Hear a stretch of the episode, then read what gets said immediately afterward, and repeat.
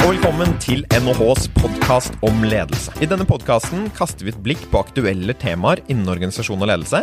Vi diskuterer hva forskningen sier, og vi kommer med noen av våre tanker om hva ledere kan gjøre annerledes for å lykkes der hvor de er. Mitt navn er Marius Jones, og jeg er ph.d.-stipendiat her ved Norges handelshøyskole. I dag skal vi ta for oss den lederløse organisasjonen. Gary Hamill, som er kåret til en av verdens mest innflytelsesrike business thinkers av Wall Street Journal, han hevder nemlig at ledere er organisasjonens minst produktive individer, samtidig som de ironisk nok tjener aller mest. Han hevder at det ikke er noe galt med lederne, men at det er systemet med ledelseshierarkiet slik det er i dag, som er dyrt, tregt og kommer i veien for enkeltmedarbeidernes initiativ. Så Spørsmålet vi skal diskutere i dag, dreier seg om hva vi skal gjøre med akkurat dette. Skal vi bare kaste ut lederne? Hvordan kan vi unngå et eneste stort kaos om lederne forsvinner? Og er det mulig å endre hvordan vi driver ledelse for å unngå problemene som er i dag? For å grave i dette spørsmålet har jeg med meg to forskere fra NHH her i studio. Og vi skal også ut på NHHs ganger for å høre hva studentene mener om den lederløse organisasjonen. Så enten du er leder selv, har en leder, eller befinner deg i en lederløs tilværelse, så vil de neste 35 minuttene by på noe interessant. Her er første episode av NHHs podkast om ledelse.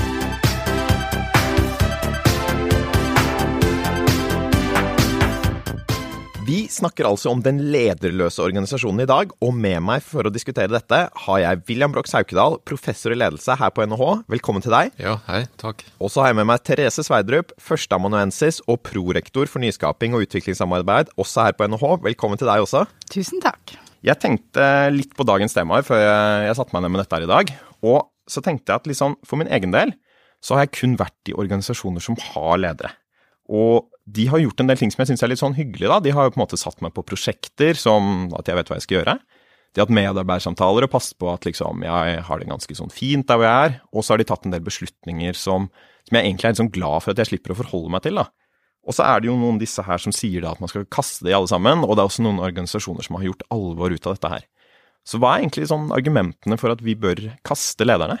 Ja, altså det, det argumentet som, eh, som, de aller fleste er mest begeistret for, det er jo at eh, ledere koster penger, rett og slett. Det er en måte å, å, å kutte i kostnader.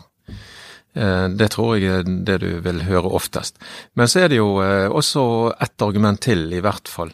Og det er at ledere står for en struktur som, som, som kan hindre innovasjon og, og fleksibilitet. Eh, ledere kan fremme begge deler, men de kan også hemme begge deler. Så, så det, det, er det andre argumentet. Så det er egentlig at de, de, koster mer enn de smaker, da, hvis man kan si det sånn også, på en måte? Ja da, det er sånn ville nok eh, min eh, kjære mor formulert også. Ikke sant. Og, og, hva er det, Therese, hvis jeg retter den til deg, hva er det som, som skjer med ledere, eller når du har ledere på jobb, som gjør at innovasjon hemmes, og du ikke får den nyskapningen som man, som man kanskje ønsker? Det som jeg synes er interessant å se på i dag, er vel den eh, spesialiseringen eh, av eh, utdannede. Det er jo der kunnskapen gjerne sitter, og man snakker gjerne om at nå kan de ansatte mer enn lederen. Og hvis det er sånn da at du må gjennom lederen for å organisere ting, eller lederen skal godkjenne osv., så, videre, så får du en propp i systemet, heller enn at det er de ansatte som er drivende. Så det som du kan argumentere for, er jo at kanskje ledere blir en det er de ansvarlige, og så er de ansatte de som skal bli fortalt hvordan de skal gjøre ting. Det er jo på en måte den gamle formen for ledelse, og det kan vi jo ikke ha når man skal drive med nyskapning og vi skal ha innovasjon i bedriftene. For som sagt, det er de ansatte som gjerne sitter på fagkunnskapene og vet retningen på ting. Og da nettopp det å prøve å organisere virksomheten mer eh, dynamisk, da. Eh, der kan man se at det blir en utfordring med at det skal gjennom en, en leder eller to. Så de blir sånn flaskehals, rett og slett, da, for, for, gode ting som kunne ha skjedd i organisasjonen, når de er der? De kan bli det, men samtidig kan de jo gi mye frihet. Sant? Du kan jo si det at uh, vi trenger jo en organisasjon som setter noen mål, f.eks. Ledere kan være med å sette mål og få medarbeidere med til å formulere disse målene. Og så være at ledere er de som gjerne uh, ja, legger til rette for at de ansatte kan eh, drive ganske fritt, da. Eh, og det er der den rollen som vi eh, gjerne har lyst til å utfordre litt. sant? Her snakker vi nå om ledere. Trengs de? Ja, det kan vi stille spørsmål om, men det vi trenger er jo det som vi kaller ledelse.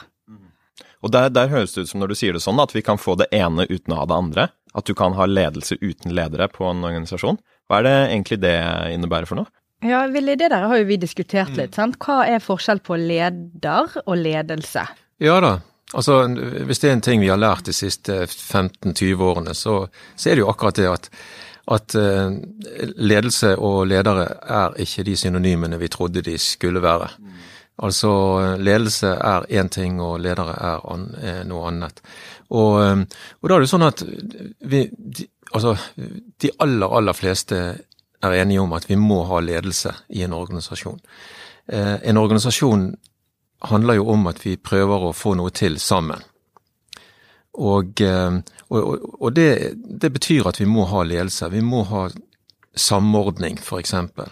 Ja, for her snakker vi sånne ting som å på en måte ta beslutninger, sette en retning, mm. kanskje også sikre medarbeideres utvikling og sånn. Motivasjon, og, tenker jeg. Ja, ikke sant. Og det er mange som peker på. Altså. Ja. Det er i hvert fall det jeg opplever, at når, hvis du spør da hva er den viktigste rollen til en leder?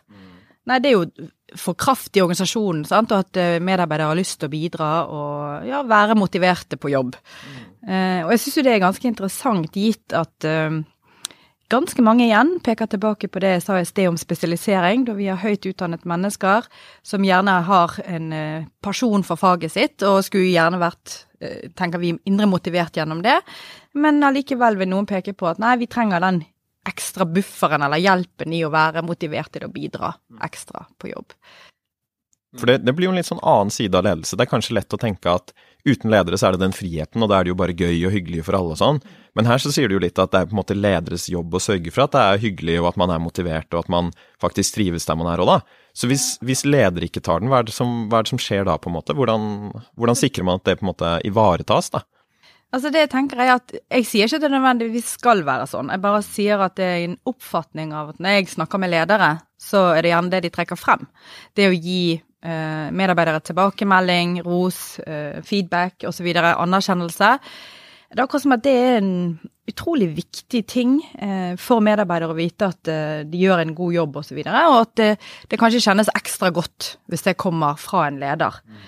Samtidig så er det jo noe med at uh, har man gode team, altså kollegaer som jobber tett med hverandre, så kan man jo få den biten gjennom det samarbeidet man har med hverandre i team.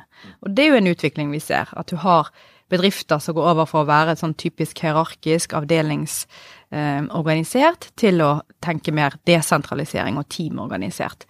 Og da blir jo den funksjonen leder kanskje mer erstattet med det vi henspiller på her når vi snakker om ledelse. Så det er da istedenfor at noen få skal gjøre disse ledertingene, så skal på en måte alle gjøre det litt, da? Er det sånn det ser ut i disse organisasjonene som, som tar dette her i bruk? Ja, det virker sånn. Det er i hvert fall det som er poenget. Uh, og, og, er det noen som får det til, eller er det noen som gjør dette her, og som, som prøver også da? Altså, Der er jo noen som får det til, absolutt. Uh, et av de beste eksemplene heter jo eh, Morningstar. og Det er jo blitt uh, studert opp og ned og frem og tilbake i mente. Uh, det har til og med ja, organisasjonen, eller virksomheten har til og med fått sin egen bok, så det blir sikkert snart en film også. Ja, Det vil si, der er en film på YouTube, for de som måtte være interessert i det. Eh, og det, det, som er viktig der, det, jo, det, handler jo først og fremst om, uh, om at eh, de ansatte, deltakerne i organisasjonen, de må samordne seg uten at det er en sjef som gjør det. Altså når jeg trenger informasjon eller ønsker kontakt, avtaler med noen medarbeidere, så gjør vi det selv. Og det er en typisk lederjobb, egentlig og sørge for at, eh, at, arbeidsprosesser på en måte flettes sammen på en riktig måte. Men her gjør det det selv, altså. Så det, det, er det store poenget.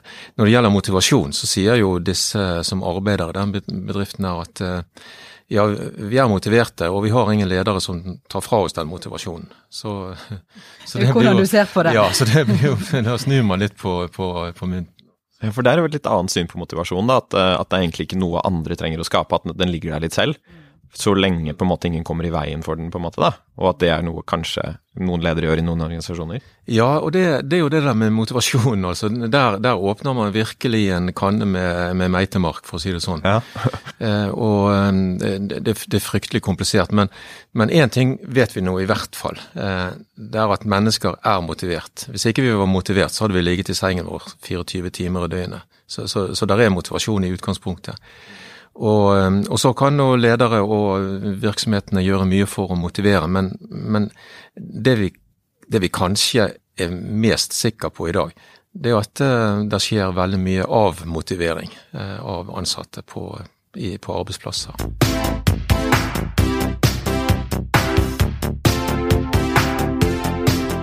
Så en organisasjon uten ledere er ikke en organisasjon uten ledelse. Vi kan sammen ta ansvar for å motivere hverandre, ta beslutninger, flette sammen arbeidsprosesser og sette opp budsjetter. Den lederløse organisasjonen er altså ikke en organisasjon med fullstendig anarki, og det er noen som faktisk får dette til. Men vil vi egentlig jobbe i en slik organisasjon, eller er det greiest å ha en sjef som tar seg av biffen? Jeg tok med mikrofonen ut i gangen på NHH for å høre hva studentene her synes om den lederløse organisasjonen.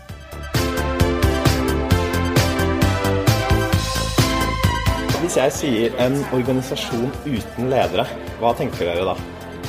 Eh, egentlig litt lite kontroll og struktur på det. Ja, jeg tror det er nødvendig med ledertoppet som har det overordna ansvaret å sjekke at eh, ting blir eh, gjort til riktig tid. Kaos. Kaos. Ja. Kaos. Det er bare det som kommer opp der? Uten ledere. Snilting. ja, det de åpner opp for, uh, for mye ideer og sånn. At uh, mange, mange meninger kan komme fram, men uh, at ikke man har noen som kan holdt på å si, lede og sånne ting. da kan jo kanskje gå litt utover strukturen. Det tenker jeg at det er ganske mm, altså litt kaotisk, men sikkert en eller annen et nytt lederkonsept som skal prøves. Eh, litt mindre resultat. Folk, mer, eh, folk gjør litt mer som de vil. Og, og, Hvis jeg da spør eh, etter studiene, kunne du tenke deg å jobbe i en sånn organisasjon? Ja, det kommer jeg. Ja, men på sikt så vil jeg jo kanskje være en organisasjon med leder der jeg er lederen. Det er ikke litt vanskelig å jobbe seg opp i en organisasjon uten leder? da? Nei, jeg syns ikke det virker så attraktivt. Nei, Hvorfor ikke det? Ah, jeg vet ikke. Jeg vil helst jobbe i et struktur hvor jeg vet liksom hvilken vei jeg trenger å, å jobbe meg opp. Ja. Jeg ser liksom ikke noe utvikling i, i et helt flatt system. Egentlig kanskje ikke, men da måtte det vært sånn at det, det var veldig delt opp i prosjekt, og at jeg følte meg egentlig som litt leder i mitt prosjekt. Um, men det ja, jeg kunne tenkt meg det da, men jeg tror det er veldig til fordel å ha en leder over ja, hele organisasjonen, da, siden med det overordnede ansvaret.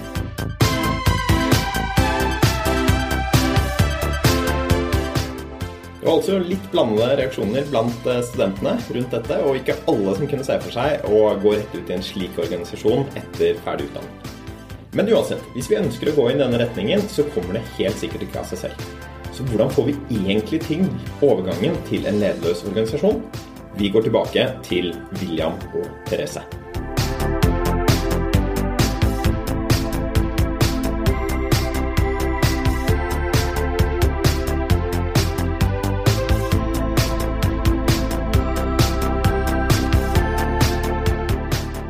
Men du da, Therese, når du har sett på dette Morningstar-virksomheten, hva, hva, er det de gjør som er, som er, lurt, som får dette her til å fungere? For det virker jo som en litt krevende ting å, å få til, da. Ja, altså det jeg syns er interessant med det, de, de har jo noe som de kaller kollegakontrakter. Og det går jo litt inn i den forskningen jeg har drevet de siste årene, med, der vi ser på det som heter psykologiske kontrakten, som handler om de forventningene vi har til hverandre, enten det nå er opp til ledelsen eller ut til medarbeidere, og som styrer mye av hvordan vi opplever jobben og hvordan vi agerer på jobb. Så det er ikke ting man har skrevet ned nødvendigvis, da? I, i det vi har studert, ja, med psykologisk kontrakt. Men det som Mornings har gjort, er jo nettopp å prøve å skriftliggjøre og gjøre disse kontraktene mer eksplisitte og si det at ok, vi er en gruppe mennesker, vi skal jobbe sammen og drive dette selskapet fremover. Blant, jeg må bare uh, legge til at Morningstar det er et, de produserer hermetiske tomater. Bare ja. for de som ikke kjenner uh, Morningstar der ute. Men uh, det er altså en typisk sånn fabrikkbedrift med samlebånd, og de har sesongarbeidere som kommer inn, og de har vel en fast stab på en 400-500, og så øker de i sesong, da. Men det interessante er nettopp det at de har et team av mennesker, kollegaer, som setter seg ned og skriver disse kollegakontraktene. Så både handler om at ok, vår, vårt team skal sette mål, vi skal vite hvordan vi skal rapportere til hverandre, vi skal levere til hverandre, og så skal vi følge opp hvis noe her er avvik på. Og det gjør de jevnlig da, gjennom disse kollegakontraktene, og mener det er det styringsverktøyet de trenger. Og så tror jeg, eh, sånn som jeg har opplevd det, og når jeg har lest disse eksemplene, er at ja, hva hvis noen skal sies opp? Sant? Så det, er en, det er en kollektiv avgjørelse i den enheten og gruppen der man hele tiden går og monitorerer og, og jobber sammen, da. Så man må jo sørge for at ikke det blir en sånn ja, kollektivistisk sånn eh, henge ut noen, eller eh, Ja, det må jo man passe litt på. Men, men de virker som de er fornøyd med den type modell. Det er en ansvarliggjøring ut til hver enkelt medarbeider. Og de, igjen, som sagt, det med hvilke lederoppgaver eller ledelsesoppgaver er viktig med å sette mål, vite ressursene, hvordan vi skal fordele ressursene, det gjør de i fellesskap. Og det interessante med det, når du ser det opp mot motivasjonsteori, er jo nettopp det at mennesker som blir ansvarliggjort og føler de har en en finger med i spillet i sitt eget virke og, og hverdag, er jo typisk mer motivert enn de som gjerne bare blir tredd ned en beslutning eh, på. Og Da har du kanskje ikke behov for den lederen som har på en måte som en del av oppgaven sin å drive og motivere alle, for det skjer litt av seg selv, på en måte. Ja. Når folk får lov til å være med og delta og er ansvarlige og Det er det som ser ut i dette selskapet, i alle fall. Og så kan du spørre, ja, kan du ikke vi bare innført det alle andre steder, da? Ja.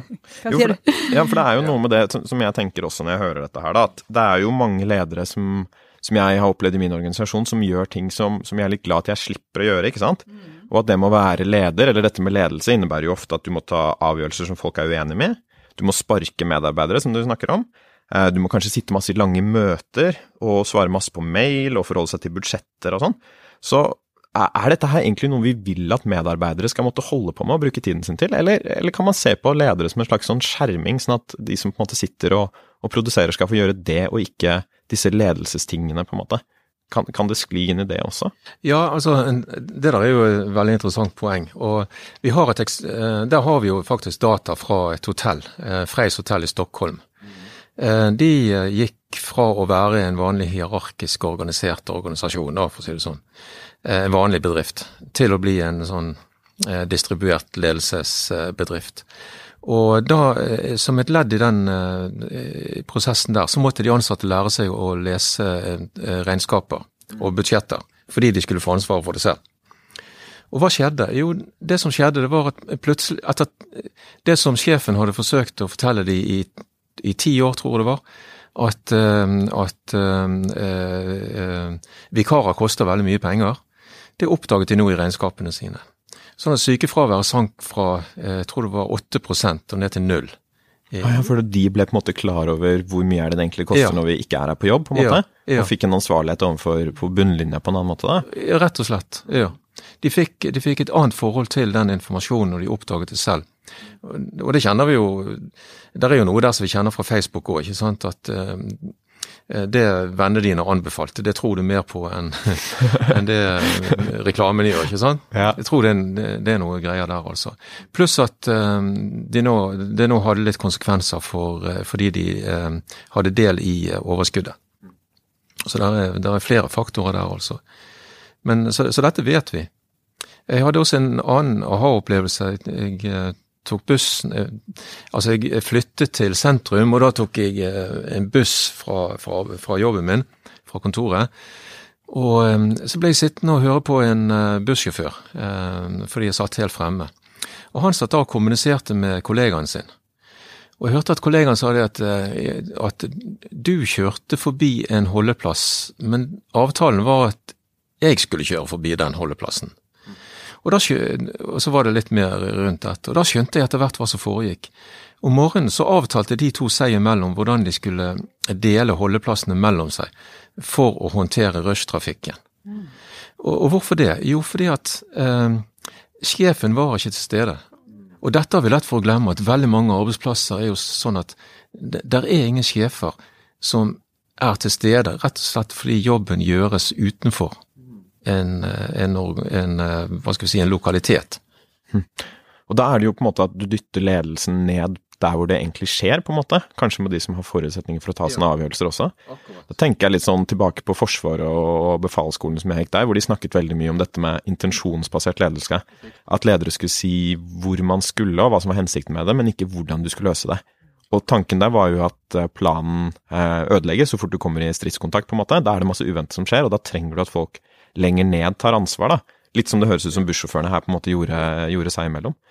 Så kanskje at liksom ledelse blir mer effektivt da, når de som står nærmest oppgaven får lov til å utøve den? Er det en, en tanke med Ja da, jeg tror det er veldig, veldig riktig. Og vi ser det at, eh, at i en del land så, så, brukes Forsvarets erfaringer med sånne skarpe enheter. Mm.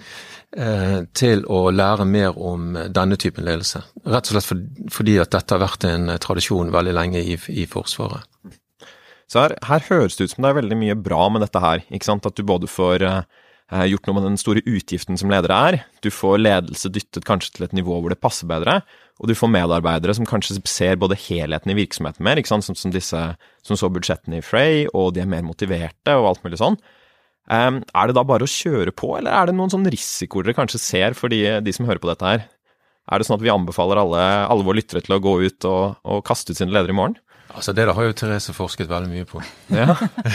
Hva sier du Therese, skal vi, skal vi kaste dem ut? Nei, sant, nettopp. Det, det, er så mye lettere å si det at hvis du skal starte en virksomhet, så har du noen muligheter for å legge noen prinsipper til grunn som, som gjør at det er lettere å få til denne ansvarliggjøringen enn andre. Men jeg syns det er interessant eksempel. Um, jeg lurer på om dette er Ringerike sykehus, uh, en som heter Per Bleikelia som tidligere jobbet i politiet, og så ble sykehusdirektør der nede. Og han ble jo ansatt da som type administrerende direktør for sykehuset, og skulle gå inn og, og levere en jobb. Og så kommer han inn, og det første han gjør Det kan være historien akkurat er litt feil på det første han gjør, men i alle fall så tar han vekk det skiltet som sier administrerende direktør, og så setter han opp ansvarlig tilrettelegger. Oi. Så du markerer veldig tydelig da, som leder, at eh, jeg er her for dere. Eh, og så er det andre han gjør, jeg tror han får seg en sånn type sparkesykkel, og så stikker han rundt på sykehuset hver dag og snakker med folk ute i linjen. For han sier det er jo der produksjonen foregår. Så jeg må jo høre med de hvordan ting er, og hvordan de ønsker at ting skal være tilrettelagt. Og det der går jo tilbake til filosofi av eh, Janne Karlsson, som var i SAS for mange år siden, tror det var på 80-tallet, der han snakket om rett og slett det å snu pyramidene. Så dette er jo ikke noe nytt fenomen sånn sett, og det er organisasjoner som klarer det. Og jeg ser bare, som du nå spør om, skal vi bare gå inn og gjøre det? Det er folk som har klart å, å gjøre en grad av det. Altså Per Bleikeli ja, står vel i Brønnøysundregisteret som den som er sjefen på Ringerike, men han sjøl definerer det som en ansvarlig tilrettelegger og legger Kall det ledelsesfunksjonene ut i linjen, på et vis.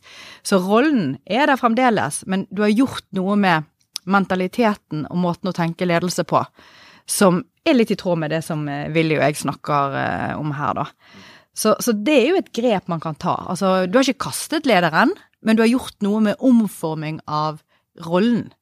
Og lederen skal ikke enehendig ta ansvaret for ledelse, høres det sånn ut her, da. Ja, det At det er fortsatt medarbeidere mm. som tar, nå tar del i det som er ledelse, ja. og så går lederen tilbake og gjør et eller annet annet, da, mm. som er um, ja. en del av ledelse, eller er det, er det, en helt annen ting igjen når han sier at han er tilrettelegger? Men altså, der tror jeg, i, i, tillegg til det som Therese er inne på her, så, så, så tror jeg at, at man må tenke én tanke i tillegg, og, og, det, og, det, at de ansatte må trenes opp til. Mm. Eh, sant? Og kunne ta disse nye rollene. Mm. Det er en annerledes hverdag som kommer, altså? Ja, det, ja, det tror jeg ganske sikkert. Det, de må gjøre jobb, de må tenke på en annen måte, og de må handle på en annen måte. Hm. Altså, ja, det har vel du sett en del ja, av? Ja, og, og, det som jeg syns er interessant Jeg eh, fikk ikke sagt så mye i sted om det med, med psykologiske kontrakten og hvordan jeg har studert det, men det er jo, kall det de uuttalte forventningene som ligger eh, mellom en, gjerne en medarbeider og en, en, leder som går på sånn Hva ligger i vårt bytteforhold? Jeg gjør en oppgave for deg mot å få ros, anerkjennelse, lønn tilbake. Sant? Og så oppdager man at når det blir et brudd på den psykologiske kontrakten, så har det en, en veldig stor betydning for medarbeiderens eh, følelse i forhold til jobben, holdning, altså dette som går på jobb, tilfredshet, commitment som vi Ja, eller engasjement, kan vi kalle det på norsk. Eh, og da er det noe med å håndtere den unike relasjonen det er, da. Og, der syns jeg det er interessant å se hvordan eh, det er et verktøy for å forstå at ansatte også har en viktig rolle. For det som gjerne har skjedd ved at vi har hatt hierarkier og ledere, det er at de skal på en måte sitte på den ansvaret for å avklare forventninger, men tilbake til disse spesialiserte, utdannede og, og, flinke folkene vi nå har, tross alt i organisasjoner. Hvorfor skal ikke de være ansvarlig for å avklare hva er forventet av meg? Hvordan er det det står til? Hva kan jeg bidra med? Hvordan kan jeg gjøre ting i organisasjonen? Og det er der jeg tror den fine biten med at du delegerer ut dette ansvaret, så får man mer ansvarliggjorte medarbeidere som bidrar. Det er i hvert fall tanken, da. Jeg har jo, jeg må bare tilføye det at jeg har jo av og til vært på reise med ledere. Eh, I forbindelse med, med, noe utdanning vi har. Og, eh, og, det er veldig morsomt, fordi at vi kan f.eks. komme til Paris. Mm -hmm. Og så sier de at i morgen så treffes vi der og der. Og da, eh, da, er det disse lederne da, som, som, er utrolig vant med å reise, og, og, og, som er dyktige sjefer og alt mulig. Det første spørsmålet som dukker opp da, ja, hvordan kommer vi, da, hvordan kommer vi dit? Og så forteller de at eh, ja, da kan, kan dere ta buss, dere kan ta taxi, eller dere kan ta undergrunnen. Og da kommer spørsmål, neste spørsmål. Hvordan kjøper vi billetter? Og, og eh, det der er ganske interessant, at det, det er noe med at vi mennesker er sånn skrudd sammen, virker det som, at når noen har tatt på seg en lederrolle, så frasier alle de andre seg alt som heter ledelse og ansvar. Og det skjer selv hos ledere. Så selv om de står i denne situasjonen og de er vant til å utøve ledelse og være den som på en måte har den gule ja. ledertrøya, da, så skrur de det helt av altså, de når det er noen andre som er ledere? De skrur det av, rett og slett.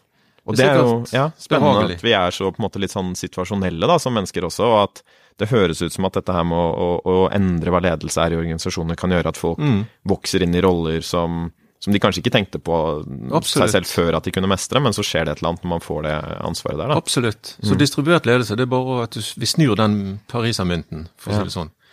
Jeg syns jo du rører på noe litt sånn viktig med disse psykologiske kontraktene, Therese, fordi at dette er jo kanskje Dette er jo ikke ting man har sagt til hverandre i alle tilfeller heller, da. Dette er kanskje forventninger som man sitter med. Og hva det innebærer å være medarbeider, blir jo noe ganske annet i forhold til de. Det blir jo på en måte en dreining i hva som må ligge i de psykologiske kontraktene for at man skal få det til. Så hvordan, hvordan er det man kan liksom få til det, hvis man eh, går inn for en sånn endring? Ja, altså, jeg syns det er interessant å se. altså Bare for å ta psykologisk kontrakt og, og populariteten i, i hvert fall forskningsmessig, hvorfor vi, vi, går inn og ser på dette, er jo det at, at i, tilbake til de gode gamle dager, hvis vi kan si det sånn, så, så fikk du jobb et sted. Og hvis du bare skjøttet, skjøttet jobben din godt, så hadde du livslang. Eh, da var det lojalitet tilbake. Så det var et veldig sånn rent bytteforhold. Jeg gir deg min arbeidskraft, får lønn og et livslangt forhold. Og så ser vi jo det etter hvert som generasjonene nå kommet på, så forventes det mer og mer fra en medarbeidere. Sant? De skal ha utvikling, de skal ha god kompensasjon, de skal ha spennende oppgaver, eh, sånn work-life, family balance. Altså, det er mange ting som ligger i de forventningene. Og så er de kanskje ikke helt avklart da. Hvordan, hvem har ansvaret? Er det lederen? Er det medarbeideren? Og så er det veldig mye da som er lagt på denne lederen. Og det er der jeg mener den det å delegere mer ut ansvaret til medarbeiderne, om at de også må ta ansvar for hva, hva leverer jeg, og hva kan jeg forvente tilbake på de ulike dimensjonene, må gjøres. Eh, du får ikke det til om ikke du oppretter et, kall et klima for kommunik god kommunikasjon. Og det handler om gode relasjoner. Og det er jo, sant, når vi har sett den trenden med tillitsbasert ledelse som man vil inn på, det er det det handler om. Og klare å snakke om dette her, altså. Vekk fra kontrollregimet, monitorering, at vi skal kontrollere det du gjør, til at her skal vi være sammen, ha en god relasjon, vi har tillit til at du vil levere, men du må selv ta ansvar for på hvilke dimensjoner og hva du selv kan få igjen av det eh, belønningsmessig. Både. For det er litt sånn interessant, for jeg tenkte jo når, uh, på dette her som at hva er det ledere skal gjøre på en måte for å innføre dette her, men, mm. men, det du sier litt nå er jo kanskje at det er kanskje medarbeidere som skal også steppe opp litt her, da. Ja, og kanskje ta litt ansvar og finne ut vil de ha en del av dette som er mm. ledelse i organisasjonen, mm. og da kan de gå og si det, rett og slett. da. Istedenfor å tenke at her må det gjøres en endring, så, så kan man be om den til lederen sin, kanskje. Jeg tenker det. Det ville vært sprekt. Absolutt. I hvert fall i en del organisasjoner. Eh, Jeg tror ikke jeg ville gjort det i alle organisasjoner. Nei, tror du alle ledere er mottakelige for det? Nå, nå skal Jeg jeg, tror ikke alle er mottakelige for det, nei, i det hele tatt. Jeg tror man må se sjefen seg litt an, og så, og så må det være eh, Altså, i en ideell verden så ja, eh, burde det der kunne la seg gjøre, men, eh, men det er klart, her må man tenke seg litt om, altså. Men jeg hører jo her da, hvis, hvis vi sier at det er noen, noen ledere som sitter og hører på det vi, vi snakker om her da, og tenker at dette virker spennende, kanskje vi skal snu pyramiden litt opp ned, kaste oss selv ut, eller, eller hva det nå blir da, så virker dette her med å, å, å snakke med folk om forventninger da. Hva, hva er det som ligger i denne ledelsesboblen, og hvordan er det vi skal fordele det? Det høres ut som en veldig viktig ting for å lykkes. Er det noen andre ting dere tenker at folk bør, bør høre på hvis man skal bevege seg ut i dette området her? Hvis jeg var sjef, så ville jeg, og hadde lyst til å, å, å gjøre noe med dette, og gå inn i dette, eh, og det er jo flere og flere som gjør det, så ville jeg tenkt at, eh, at eh, det første jeg må gjøre, det er jeg må sette meg inn i hva dette er for noe. Og det neste skrittet, det vil være å forberede min enhet eller organisasjon på hvordan vi skal ha det. Og det er en sånn å snakke med folk egentlig om dette her da, Ja, men ikke bare det. Ja, ikke bare det. det. Det handler jo litt om strukturer også. ikke sant? At uh, f.eks. enheter som tidligere har hatt en, en enhetsleder, la oss si en avdelingsleder, de skal nå plutselig være uten avdelingsleder. Så det betyr at uh, i de fleste tilfeller betyr jo det at da må man organisere team uh, som sikrer at man snakker sammen på tvers av eh, disse avdelingene, f.eks. Så det, er en del sånne grep som, som må gjøres. Organisasjonsmessige grep. Og det har konsekvenser for kommandolinjer, og, og da må man tenke eh, hva skal vi gjøre med de sjefene vi allerede har? Eh, hva skal skje med lønnen deres hvis de eh, får andre oppgaver? Og så, så den type ting. Så, det, så her er en del hjemmelekser som, som må gjøres for å få det til å, å fungere. Det, men det, det er praktisk arbeid, men, men det må gjøres. Og det er strukturelt der i tillegg til det som skjer mellom folk, og det tar kanskje litt tid også. Absolutt. Så det må, man må se ting i sammenheng. Absolutt. Har du noen eh, tips, Therese, på tampen Jeg, til de som sitter på, og lurer litt på dette? jeg tenker på et firma jeg også har fulgt en stund, som eh, et IT-konsulentfirma, Miles, som er veldig tydelig på dette, hvilke verdier de har. Eh, hos de er det definert eh, at skal du jobbe der, så skal du være varm, som er den ene verdien, og så skal du være faglig dyktig, som er den andre verdien. Så alt du gjør skal egentlig vurderes i forhold til de to verdiene. Er dette varmt nok? Er det faglig dyktig nok? Da gjør du det. Det som skjer da, det er at du erstatter igjen en leder sant, som har pekt på eh, Eller skal fortelle deg hva du faktisk skal gjøre, men du, du, du, du er innenfor et rom som hjelper deg å ta en beslutning på hvordan du skal eh, agere, og hva du skal jobbe med. Og dette er jo medarbeidere som er ansatt i et konsulentselskap, men sitter gjerne typisk ute i andre typer selskap, da. Eh, og må integreres for så vidt der også, selvfølgelig. Men de har prøvd å innføre det som de kaller medledelse som går på at eh, alle skal være ledere i organisasjonen og føle ansvar overfor hverandre og backe hverandre og støtte hverandre og gi feedback til hverandre. Nettopp gjennom denne varme dimensjonen som betyr å bry seg, og faglig autoritet eller faglig dyktighetsdimensjonen som handler om å dele kunnskap med hverandre og utvikle hverandre. Så der har du også definert en slags ledestjerne da, som gjør det mulig å utøve dette Ja, delte altså de, lederskapet. de, de har jo òg gjort om titlene sine til å være tjenere og ikke ledere, de få som Ja. er ledere der. Ja, for da har du, er du daglig tjener da, som sitter Da har på du en daglig tjener, Ja. eh, og nå har de også opprettet en konserntjener, fordi at de er på flere steder i verden og i, i, i Norge. Så man må tjene flere nasjonaliteter, Yes. altså. Ja. Så, så det er jo bare en eh, semantisk interessant eh, distinksjon, da, sant, som sier ganske mye. Og det, det kan jo vi diskutere i en annen episode, disse nye lederstilene. Eksempel det som heter tjenende ledelse. Som jeg vet noen tenker herlighet, skal de gå rundt og tjene sine medarbeidere? Ja. hvor blir det av eh, lederen med retning osv.? Men, men det er en veldig interessant eh, lederstil som vi begynte å forske litt på her på NHH. For der er det jo også litt sånn spennende at det er ikke en sånn enten-eller, altså enten ledelse som før, eller som alle lederne bare forsvinner ut, på en måte. Det høres ut som det finnes mye imellom her også. Jeg vil, si, jeg vil si at det henspiller igjen på det som jeg fortalte om han Per Bleikelia, som snakker om at han er en ansvarlig tilrettelegger. Jeg vil si at det er som en type tjener. Skjønner. Så for å prøve meg på en oppsummering her, da, så, så høres det ut som at det er gode grunner til å gjøre noe med hvordan man driver ledelse. I hvert fall i, i noen organisasjoner. Og at en av måtene kan gjøre det på, er å si at ledere skal ikke ta helhetlig ansvar for alt vi har kalt ledelse før, men at det kan også legges andre steder. F.eks. Mm. hos medarbeidere, ved å definere en klar lederstjerne og sånn. Og at hvis man vil bryne seg på dette her, så er det viktig å tenke på forventninger. Altså hva er det som har vært forventninger før, og hva er det som kreves av forventninger nå? Man må se på det strukturelle. Hvordan ser kommunikasjonslinjene ut? Hvordan er lønnen? Hvordan er hierarkiet? Og kanskje også tenke litt på teamorganisering, hvis man skal mm. lykkes mm. på dette her. Ja, mm. og jeg, jeg, pleier å avslutte Når jeg har foredrag og underviser om dette, så har jeg en sånn eh, Jeg har en sånn avslutning på dette som er veldig lett å huske. Mm og, men som sier ganske mye, mener jeg i hvert fall. Og det er at eh, eh, ledelse må vi ha, ledere kan vi ha. På NO. Og Da håper jeg alle dere som har hørt på, tar dere med dere akkurat den. Ledelse må vi ha, men, eh, men kanskje ikke lederne. Tusen takk til dere, Therese og William, for at dere kom og var med i dag. Bare hyggelig. Mm. Takk for meg. Da har du hørt første episode av NHHs podkast om ledelse. Og i studio i dag så var Therese Sveidrup, William Broch Saukedal og meg, Marius Scholz. Om du vil vite mer om hva vi holder på med på Norges handelshøyskole, så finner du oss på nh.no og ved å søke på NHH på Facebook. Vi høres.